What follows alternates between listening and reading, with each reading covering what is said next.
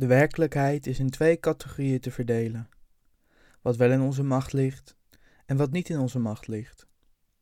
Wel in onze macht liggen onze overtuigingen, impulsen, ons streven, ons vermijden. In één woord, alles wat tot onze taken behoort. Niet in onze macht liggen ons lichaam, bezit, reputatie, ambten. In één woord, alles wat niet tot onze taken behoort. Wat in onze macht ligt is van nature vrij, onbelemmerd, ongehinderd. Wat niet in onze macht ligt is zwak, onderworpen, belemmerd van een ander. Dit was de eerste paragraaf van het handboekje van de Stoïcijnse filosoof Epictetus. Epictetus leefde om en nabij de eerste eeuw na Christus en werd als slaaf verkocht aan Epaphroditus, een belangrijke dienaar aan het hof van Nero. De keizer, die we nu kennen als degene die christenen verbrandde en ze als fakkels bij zijn tuinfeesten gebruikte, waarschijnlijk zo gek was dat hij zijn eigen stad in brand stak. Maar na zijn vrijlating ging Epictetus onderwijs geven in de filosofie in Rome. Het leven zat echter niet lang mee voor deze filosoof. Waarschijnlijk werd hij in 89 na Christus uit Rome verbannen, omdat er een verbod werd gesteld op het praktiseren van filosofie en alle filosofen uit Italië werden verbannen. Epictetus zelf heeft voor zover we weten niets opgeschreven, maar zijn leerling Arianus heeft zijn colleges op schrift gesteld en een handboek samengesteld met citaten van Epictetus. Welkom bij de tweede aflevering van Levenskunst, een podcast over praktische filosofie. In deze aflevering zal ik aan de hand van de Stoïcijnse filosofen antwoord proberen te vinden op de vraag hoe we om kunnen gaan met tegenslag en hoe we onze taken in het leven kunnen vervullen zonder ten onder te gaan aan het gevoel dat falen met zich meedraagt. Dit zal ik doen aan de hand van een definitie van het begrip ataraxia, dat een veel voorkomend begrip is binnen de filosofie van de Stoïcijnen.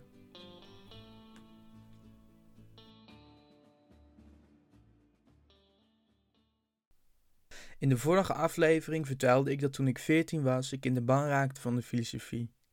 Het lezen van de oude Grieken was een openbaring. Hun visie op goed leven, politiek en de reden is vandaag de dag nog minstens net zo relevant als ze was in de tijd van de oude Grieken zelf. Wie de klassiekers van Plato en Aristoteles leest, of het werk dat overgebleven is van de presocratici, mist echter één ding: het persoonlijke.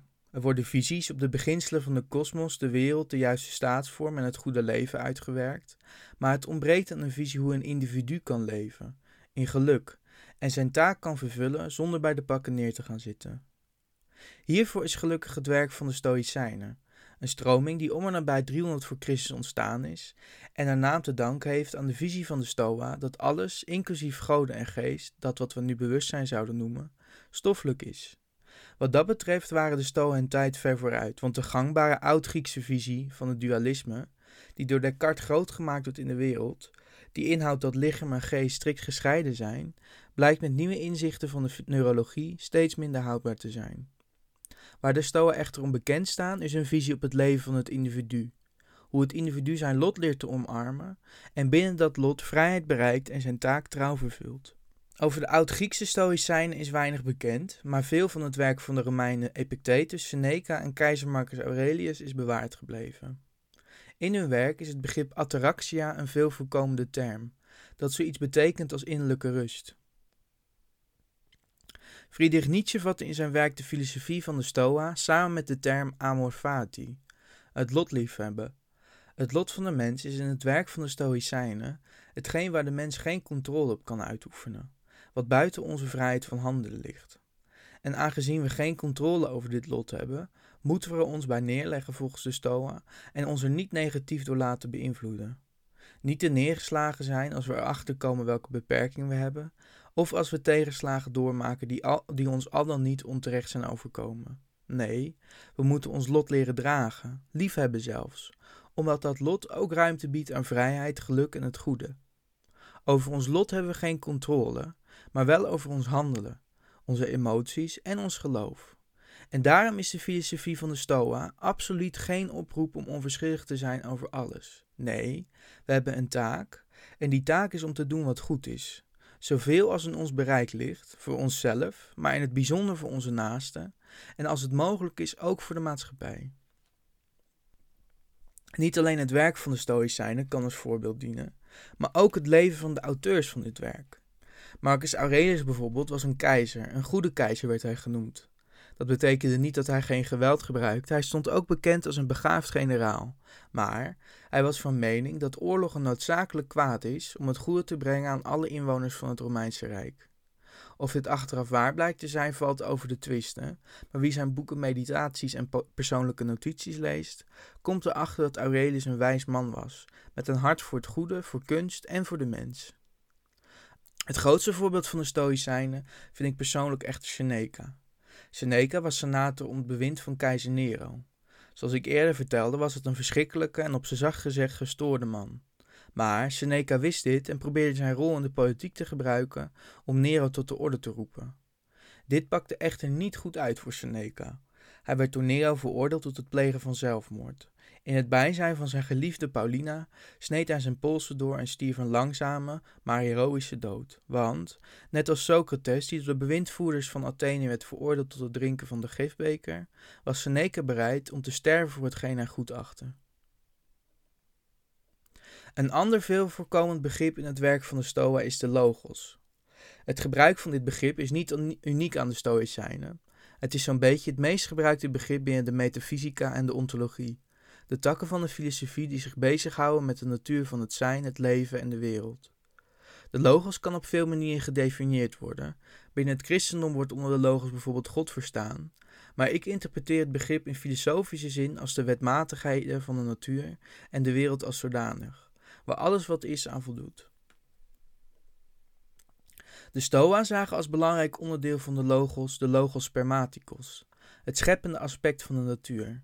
En aangezien de Stoa geloofden dat we moesten leven volgens de wetten van de logos, dachten zij dat wij ook het scheppende principe van die logos moesten volbrengen. Hoe doet men dit? Ik interpreteer het uitdragen van de logos spermaticos niet alleen als het letterlijk scheppen van bijvoorbeeld een schilderij of een muziekstuk, maar ook als het voortbrengen van iets goeds in de wereld. Blijdschap, rechtvaardigheid, vriendschap, liefde en wat zo al nog goed is.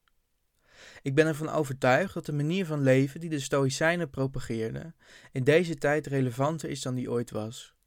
In een tijd waarin het nieuws ons om de oren vliegt, van intolerantie jegens mensen met een migratieachtergrond bij extreem rechts en antirechtsstatelijke denkbeelden bij extreem links, als het willen boycotten van de vrijheid van meningsuiting, is de trigger om geërgerd te worden groter dan die ooit was.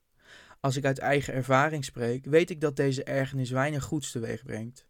Het maakt moe, staat de wil tot handelen juist in de weg, omdat de problemen te groot lijken om op te lossen.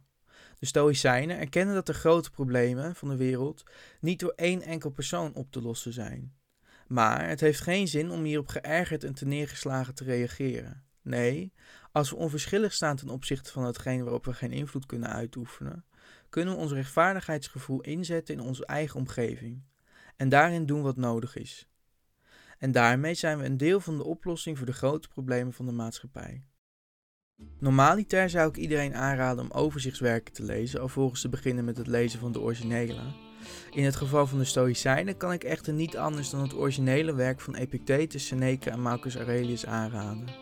In hun werk wordt een visie op het goede leven, rust en het vervullen van onze taak als geen ander uitgewerkt. Ben je benieuwd hoe we jou, je bedrijf of organisatie kunnen helpen met het toepassen van filosofie? Kijk dan op onze website www.dedenkendedoener.nl